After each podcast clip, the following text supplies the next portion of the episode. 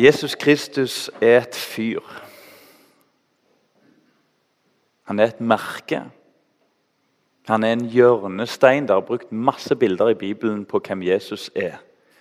Og vi som bor langs kysten, vi burde vite at et fyr måtte være et godt bilde på Jesus. For det er fyret som setter punktet. Det er jo ikke båten.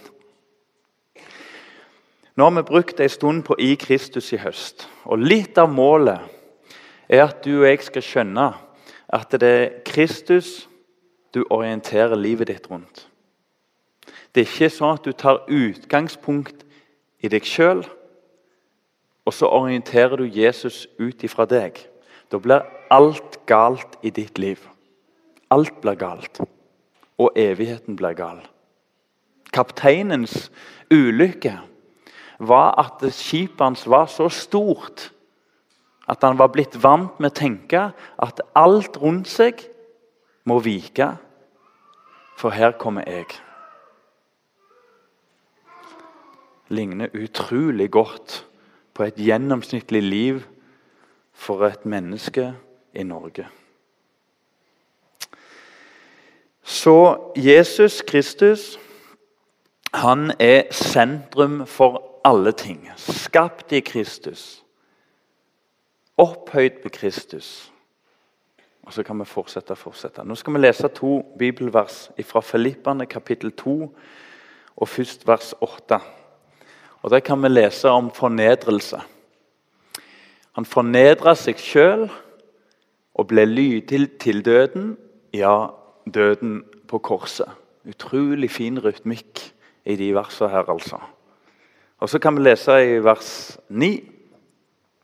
Derfor, på grunnlag av det som skjedde, altså, har òg Gud opphøyt, opphøyet ham og gitt ham det navn som er over alle navn. Om du er flink med grammatikk og liker å lese og forstå ting, så er det mye djup språk her. Navn over alle navn. Ikke opphøyt, men høyt opphøyet. Det er jo, det jo oppå hverandre, dette her.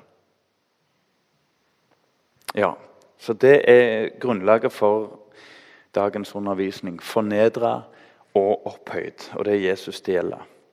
Jeg har lyst til å ta bare en liten tilbakegang. Første tema vi hadde, det var om Paulus, som skrev Efeserbrevet, som var på vei til Damaskus. Og langt inn i Syria der så blir han slått til bakken. Og han er tre dager i kamp med seg sjøl, for han har egentlig sett seg sjøl som fyrlyset. Han har orientert verden og Gud ut fra seg sjøl og trodde han var ydmyk. Og så møter han selve fyrlyset, for det var Jesus som slo han til bakken. Og Så kom han til seg sjøl. Og det første han sier, Jesus er den sanne Messias etter han blir frelst. Og Han vitner veldig sentralt. Etter hvert så får han tilbakeblikket, og så skriver han Efeserne 1 og Efeserne 2. Og da begynner han å samle alt i Kristus. All hans tenkning, all hans erfaring, alt hans gudsbilde er i Kristus. Talen etterpå Da var Svein Anton Hansen her, og så var det 'skapt i Kristus'. Da hadde Svein Anton et flott bilde på de studentene som skulle lære å tegne i hånd som gjorde tabben at de satt 90% og siktet på tegningen og litt på hånda. Og Så gjorde han et eksperiment og så sier han nå skal dere se 90% på hånda, og så skal dere tegne og se 10% på tegningen. Og så ble hånda noe helt annet. Ble et kunstverk. En god lærdom for en kunststudent. Og så er det jo et godt bilde på å være skapt i Kristus er å først og fremst se på Jesus. Her ser vi på den, det tomme korset fordi vi vet det minner oss om at han sitter nå ved Faderens høyre hånd. Han er død en gang for alltid, sier hebreerbrevet. Og så skal vi ikke se så mye på oss sjøl først og fremst, men litt av og til for å bli minnet hvem vi er, målt mot Jesus. Fantastisk bilde. Du kan bli lite motivert som kristen om ikke du ser på Kristus. Og Så kommer neste bilde. Det var Kåre Ekerhold som var der. Han snakket om lov og evangelium. Hvordan Kristus binder sammen i Det gamle testamentet og i Det nye testamentet. Gammeldags, rart, har ikke hørt det før, er ofte reaksjoner på når Kristus skal ses i Det gamle testamentet. Og Så hadde Arnstein et utrolig flott bilde på slutten av møtet. og Så sier han her er Gammeltestamentet, og her er Kristus. Nå skulle vi jo tent det. Og så sa han du kan ikke ta dem fra hverandre. Lov og evangelium. Det bindes så fint i sammen. Og så minner det oss om at dette kan ikke gi liv. Buda, og leve så godt du kan, fører deg ikke til himmelen. Livet og lyset er her. Og så kan du ikke holde fram Jesus som om Gud ikke fortsatt stilte lovens krav mot deg. Men Jesus oppfyller loven. Han oppløser den ikke. Det et fantastisk bilde. og Arnstein vet du, står og lurer på om det var et dårlig bilde. Kan du tenke deg? Fantastisk bilde. I dag er det fornedra og opphøyd. De to ord kan heller ikke tas ifra hverandre når vi tenker på ordet 'i Kristus'. I ekteskapet Jeg tror det var der vi lærte det, det kurset vi går på. Ja, Merker du forskjell? og så Hæ? Ok, bra. Nå tenkte jeg hva var det jeg gjorde nå. Et ekteskap er jo som to personer som limer sammen. Og det går ikke an å lime sammen og bare dra det fra hverandre og tro at arka er upåvirka av dette. Noe går sunt. Et ekteskap er å bli limt sammen. Det er fortsatt to individer. Snarere så blir individene klarere når vi lever sammen. Men samtidig så er vi ett. Og Det bildet der tenker jeg kan også fungere på det med fornedra opphøyd. Du kan ikke tenke om Jesus som stor konge uten å se ham som fornedra. Det går ikke, for da er han ingen konge. Du kan heller ikke se ham som fornedra og knust, forakta. Han hadde ingen herlighet, står der. Og så får du ikke bli med han på oppstandelsens dag. Visste du det at Kristi himmelfartsdag er egentlig kroningsdagen i kirkeåret? For det er den dagen Jesus bytter tornekrone med himmelens kongetrone. Du kan ikke ta og rive de sånn. Du kan ikke rive fornedrelse og oppstandelse fra hverandre. Det henger sammen på en utrolig fin måte. Hvis du googler 'fornedrelse', så finner du mye rart. Eller egentlig nesten ingenting. Eh, Asbjørn Kvalbein har skrevet et lite stykke om fornedrelse. Han skal dere høre på. Og Da kommer det faktisk et blogg eller en sånn en, innslag at du mener vel forbedrelse. Og Det tror jeg det er en sånn tenkning i tida. At en ser for seg en forbedrelse, en utvikling. Vi er jo ikke der nå har jeg ofte hørt. Altså, ikke det litt sånn som vi var på 1900-tallet? Nærmest som om menneskeslekta er blitt altså så unikt mye bedre nå. Mens før så var de way off. Bibelen tenker ikke forbedrelse. Den tenkte vekst og modning, ja. Men den tenker ikke forbedrelse. Den tenker fornyelse og nytt liv. Den gjør det som ikke kan forbedres, nytt. Eh, på Google så finner du fornedrelse Jeg fant i hvert fall i to forbindelser. Det ene er kommunisme. Eh, det er når mennesker da blir avsatt og fornedra. Og mang en kommunist har blitt sittet fra å være i maktens sentrum til den totale fornedrelse, gjerne gulag. Da snakker vi om fornedrelse. Så finner du en annen plass òg og det er når Manchester United Nei, nei de slår jo ingen lenger. Manchester City slo Norwich 6-0. Den totale fornedrelse. Det er ingen fornedrelse. I hvert fall ikke når du tjener 27 millioner fortsatt. Det har ingenting med fornedrelse å gjøre. Det er totalt misbruk av navnet fornedrelse. Da vet de ikke hva det er. Mm.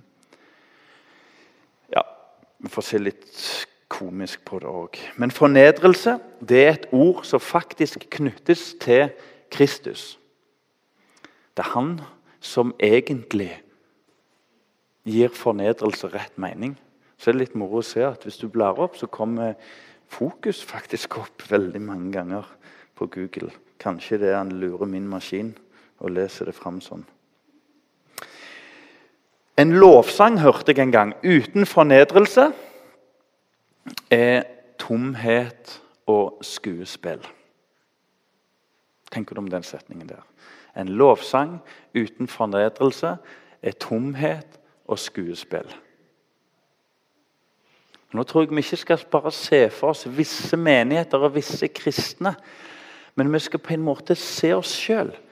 En lovsang uten fornedrelse er tomhet og skuespill. Det er når en egentlig prøver å lufte seg sjøl etter håret. Det er når en prøver å komme i en åndelig situasjon gjør seg en erfaring. En er gjerne oppriktig sulten på oppbyggelse. En er oppriktig sulten på noe større. Så lufter en seg etter håret, fordi en ser ikke lovsangens vei. I Hebreerne kapittel 12 vers 2 så står det et flott bibelvers. Hebreerne 12, 2. Det er om Jesus sjøl med blikket festa på Jesus. Han som er troens opphavsmann. Der har du kunstneren. Se mer på hånda enn på tegninga. Og fullender. For å oppnå den glede som ventet Kristus, da, ham, let han tålmodig korset uten å akte vanæren, og har nå satt seg på høyre side av Guds trone. og Da lurer jeg på hvordan har du tenkt å synge den ekte lovsang på en annen måte enn det som var Jesu vei? Hans vei til opphøyelse var tålmodig lidelse uten å akte vanæren. Og det førte til tidenes lovsang. Så mitt spørsmål er hvordan har du tenkt å dra deg sjøl etter håret når Kristus' vei var lidelsens vei? Um, mange kristens liv, leste jeg en plass, i midtens gråsone. Det er verken opphøyelse eller fornedrelse. Det er i midtens gråsone. Og det vet vi at det ender med lunkenhet. Det var to misjonærer, to pluss to faktisk, to misjonærer som jeg har lest om i USA hadde et kall til å forkynne for slaver. Men de lykkes ikke. Vet du hva de gjorde? De lot seg selge som slaver. Tenk deg. For en fornedrelse. De var frie. De prøvde å vitne og forkynne. Snakke om å være jøde for jøde og greker for greker. Men de var frie menn og solgte seg som slaver. Jeg har også hørt en historie om to misjonærer som møtte i Afrika, hvor det var en spedalsk leir med murer der de var stengt inne. Og Når den ene misjonæren står oppå den andre for å se over muren over vaktholdutføret, vakthold utføre. Så er det en som har fått beina tæra bort, og en som har fått armene tæra bort. Og Han med bein bar han med armer, han med armer hang oppå han med bein. Så ille var spedalskheten kommet. Vet du hva de gjorde? De gikk inn, vel vitende om at det var forbudt å komme ut igjen. Holdt jeg på å si ebola bare enda verre. For i det minste vinne én, snakker Paulus om. Hvorfor ble han jøde for jøde og greker for greker? Snakk om fornedrelse for en sann og rett jøde å bli greker. Ja, det burde jo være veldig bra i min verden. Men å bli hedning Jøde for jøder, nordmenn for nordmenn, kan vi vel gjerne si. Kunne han bare vinne én? Og den ånd har jeg en bønn om at setter seg i denne menigheten. At veien til å vinne én er viljen til å la seg bli gjort til det Gud kaller oss til å bli for å nå målet. Alle vil jo vinne nye mennesker hvis det ikke koster noe. Hva er fornedrelse, sånn Bibelen forklarer det? Ja, det er ikke lett å svare på. Men det var altså en ni år gammel gutt som eh, opplevde at søstera ble alvorlig syk. Ganske brått. Og I en fart så ble gutten spurt om han kunne gi blod, for det var han som kun hadde blodet som kunne redde henne. Og mens blodet dryppet er for så vidt et bilde, for det står også om at Jesus ga avkall på seg sjøl. Sant? Mens blodet rant, så spør gutten på ni år, for dette gikk veldig fort, legen sin eh, Veldig sentimentalt, dette her, men han spør legen sin når dør jeg? Nå tenker jeg deg en gutt som ikke vet bedre. Stupe inn i situasjonen. Men han var villig til å dø, for han tenkte søsteren min må jo ikke dø. Åh. Det er noe med ånden, det er noe med forførelsen i Norge i dag som gjør oss så lunkne at det fornedrelse er et fantastisk viktig spørsmål, Edvin, du spør. Har noen blitt fornedra her? Fordi jeg tror mest jeg sier du må, du må på innsida i de skjulte rom for at vi skal finne fornedrelse. Gjerne mellom ektefeller, gjerne foreldre-barn. Så finner du det i Norge i rikt mål. Men ytre sett så finnes det nesten ikke fornedrelse i Norge. Det var en menighet i Roma som sannsynligvis hebreerbrevet er skrevet til. Og Der sender Paulus det vil si, Noen tror det er Paulus, og det strides om hvem som har skrevet det brevet. Men der sender forfatteren et mot og håp inn i den forsamlingen der. Fordi de er så langt nede. De er så langt nede at de ser ikke verken fram eller tilbake. De er forfølgt. De har mista motet. De har begynt å rote det med engler og hva som kan gi dem kraft og hva som på en måte kan sette glød, hva som kan få fart på menighetslivet.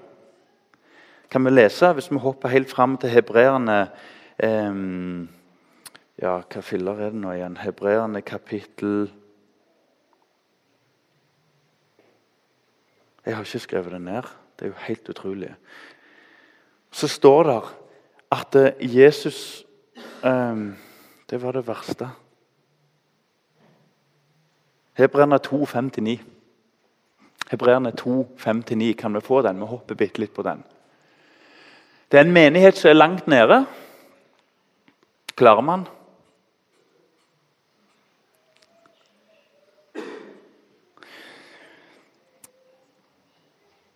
De er i hvert fall nær ved å gi opp. Og det som skjer her, er at um,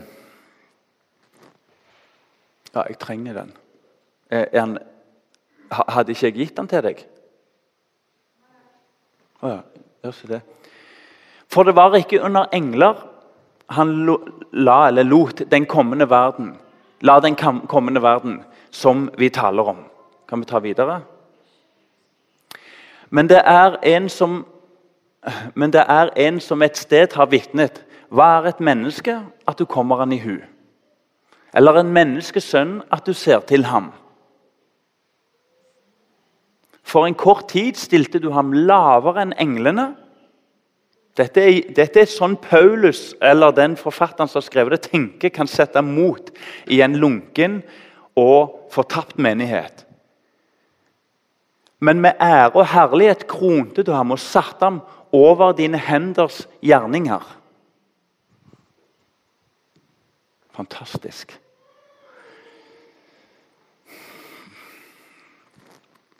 For det var ikke under engler han la den kommende verden som vi taler om, men det er som et sted han har vitnet. Hva er et menneske at du kommer en hu, eller et menneskesønn at du ser til ham? For en kort tid stilte du han lavere enn englene, men med ære og herlighet kronet du ham og satte han over dine henders gjerninger. Alt la du under hans føtter. For da han la alt under ham, holdt han ikke noe tilbake som han ikke underla ham.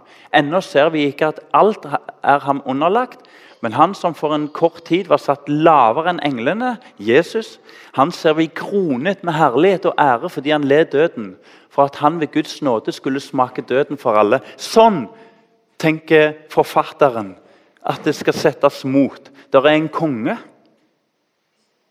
Har dere glemt det? Der er en konge. Um,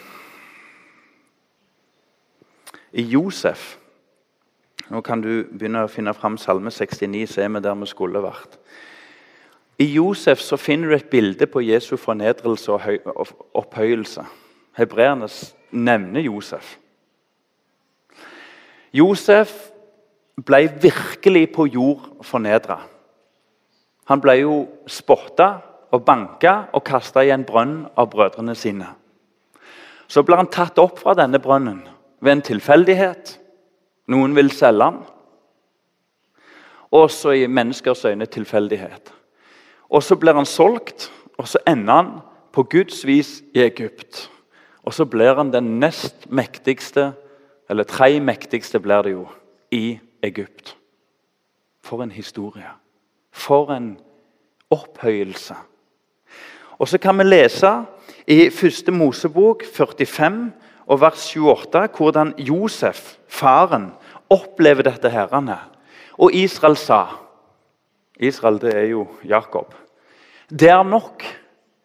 Det er nok, Jeg har hørt nok, for han tror jo sønnen er død. Josef, min sønn, lever ennå. Jeg vil dra av sted og se ham før jeg dør. Han kunne ikke tro at det var mulig.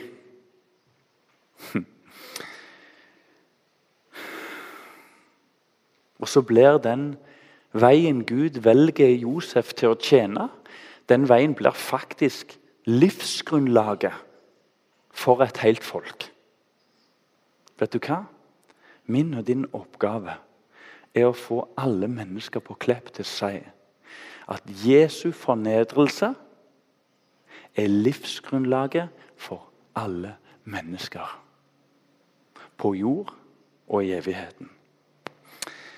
Um, I Josefs historie så har Gud malt et bilde av Jesu fornedrelse og opphøyelse. La oss få Salme 69 og vers 9. Så leser vi noen salmer i rask rekkefølge her. Noen bibelvers, mener jeg. Jeg er blitt en fremmed for mine brødre. Nå, nå, nå spås det, som jeg sier. Profeteres det om Jesus. Jeg er blitt en fremmed for mine brødre og en utlending for min mors barn. Så Jesus opplevde flere fornedrelser. Det var ikke fornedrelse å bli menneske. Sånn som enkelte teologer har rota det til. Det er ingen fornedrelse å bli et menneske. Vi tar imot barnet med glede og lovprisning. Ja. Men Jesus ble fornedra av mennesker. Pontus Pilatus og toa hendene sine, pinte han og lot han hudstryke. Så ble han fornedre enda dypere av sine egne. Og hør av min mors barn, akkurat som Josef. Det var så dyp fornedrelse. Skal vi se om Jesus gikk dypere i fornedrelsen sin?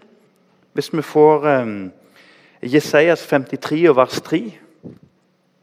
Foraktet var han og forlatt av mennesker, en smertenes mann, vel kjent med sykdom. Han var som en som folk skjuler sitt åsyn for. Hva bilde har du av Jesus? Foraktet. Og vi aktet ham for intet. I min og din verden så er den dypeste fornedrelse det er når folk forbigår deg. Dette er bare begynnelsen. For La oss lese i Matteus 27 og vers 46. Og ved den niende time ropte Jesus med høy røst Eli, Eli, lama sabachthani. Det betyr Min Gud, min Gud, hvorfor har du forlatt meg? Vi er samla i dag for å være med på en vandring i Jesu fornedrelse. Jesus ble ikke først og fremst fornedra av mennesker. Jesu dypeste fornedrelse er at hans egen Gud skjøv sønnen bort fra seg. Det fins ikke dypere fornedrelse. Om vi har smakt det fra andre mennesker, så tror jeg aldri vi kan se inn i dybden av å bli forlatt av Gud sjøl. Så kan vi lese fra Galaterne 3 og vers 13. Kristus kjøpte oss fri fra lovens forbannelse ved at han ble en forbannelse for oss. Gud skjøv han ikke bare bort, men han gikk altså så bananas langt at han forbannet han. Å bli forbanna av Gud. Så dypt har ingen mennesker kommet bort fra Gud som Jesus, med den totale forbannelse. All verdens elendighet blir samla og forbanna i ett menneske. For det står skrevet 'forbannet er hver den som henger på et tre'. Ok, det var jo veldig alvorlig. Juleevangeliet leser vi i Lukas 2, 13, En himmelens hersker lovpriser Gud og sang, står der. Vi har jo et flott bilde av julen. Du skal ikke mange år tilbake før julen var en dyp og alvorlig tid. Det var en grunn til at unger ikke fikk lov å gå ut første, andre og tredje juledag. Saken er nemlig det at eh, i vers, 13, i vers 10 så står det i dag er det født en frelser i Davids by. Kjempeflott. Men den frelsen der det var egentlig starten på lidelsens vei for Jesus Kristus. Så Når julen kommer nå, så innledes vi i Jesu fornedrelse. Ikke fordi han kom til jord i seg sjøl og ble menneske, men fordi han gikk lidelsens vei. Um, hvorfor måtte Jesus fornedres av Gud? Ja, Det er et vanskelig spørsmål å svare på. Men jeg har lyst til å trekke det litt mot slutten nå og så si at eh, min og din synd, vårt, mitt og ditt liv Jeg tenker sånn etter hvert at når jeg står på trappene til å gjøre noe jeg vet er et brudd mot Gud, så vet jeg det var alvorlig nok til at Jesus måtte bli fornedra. Det er jeg i ferd med å gjøre. Jeg har funnet det som en god medisin. Å måle opp det jeg er i ferd med å gjøre, opp mot det Jesus måtte gjøre for å redde meg ut av det. Har du kjent på det når du er i ferd med å gjøre ting, enten i nuet, som det heter på gammeldags, eller ting som utvikler seg over tid? Og så ender det opp med alt annet enn det Moses gjorde. Det står 50 ganger i Bibelen at Moses gjorde i alt og ett som Herren hadde pålagt ham. 50 ganger står det. Og 50 ganger kunne han falt. Jesu opphøyelse, hva er nå egentlig det? Det var i hvert fall en som var overraska over Jesus. Når Jesus skulle forklare hva virkelig opphøyelse var. Han heter Nikodemus. Og han fikk paddesjokk, for han kjente historien om slangen i ørkenen. Men at Messias skulle bli opphøyd på den måten For slangehistorien kjente han. Den som så hvor overbevist han var, var det ingen som spurte om. Men den som i lydighet lufta blikket og så på slangen Det var tusen motiver for å se. Men det hadde ingenting å si for å bli frisk. Se. Ferdig med det. Til deg som syns det er vanskelig å tro, med andre ord de fleste her inne. Jesus har aldri spurt etter edelheten og renheten i din tro. Han har bare spurt kunne du ikke se på meg. Sånn var det Jesus ville forklare Nikodemus. Liksom slangen ble opphøyd i Johannes 3, vers 14 og 15. Eh, liksom Moses opphøyde slangen i ørkenen, slik skal menneskesønnen bli opphøyd, for at hver dem som tror på han skal ha evig liv. Ja. Veien til opphøyelse ved Faderens høyre hånd, Kristi himmelfartsdag, kroningsdagen, den går via opphøyelsen på korset i Dal kirke. Jeg har aldri vært der. Har jeg sett på et bilde at det er Kristus han er en sånn trefigur. Ganske skrinn og, og, ikke så mye muskler på han som det kan henge i noen kirker. Han er forakta på det korset. Han er forlatt, og han henger i en S. Det har vi ikke tid til å snakke om nå. Men der henger et armbånd rundt armen hans. Der henger et belte rundt den. Det er alt de har pynta den med. Og så har de pynta den med ei krone. De har tatt bort tornekrona. De har pynta den med ei kongskrone. For på korset så ble Jesus både fornedra, men på korset ble han òg gjort til den store kongen. Utrolig sterkt bilde. I Filipperne vers 2 og vers 9. Filipperne 2 vers 9, hvis vi kan få det første om igjen så blir Jesus på korset navnet over alle navn. Derfor har Gud høyt opphøyet ham og gitt ham det navn som er over alle navn. Syns du flott om noen? Har du noen helter? De er under Jesus. Ethvert navn du kan tenke deg, de er og skal stå under. Og en dag så skal Jesus opphøyes sånn at alle tunger står der. skal prise ham. Både de som tok imot, og de som ikke tok imot. Alle skal se ham som konge på dommens dag. Jeg kunne ikke forstå sangen 'Trærne skal klappe i hendene'. Husker dere sangen? Hva slags greier er det? Jo, det er sånn det skal bli. Alt som er skapt, skal gjøre et eller annet til pris for Gud. Sjøl trærne. Så opphøyd er Kristus. For en konge. For et budskap.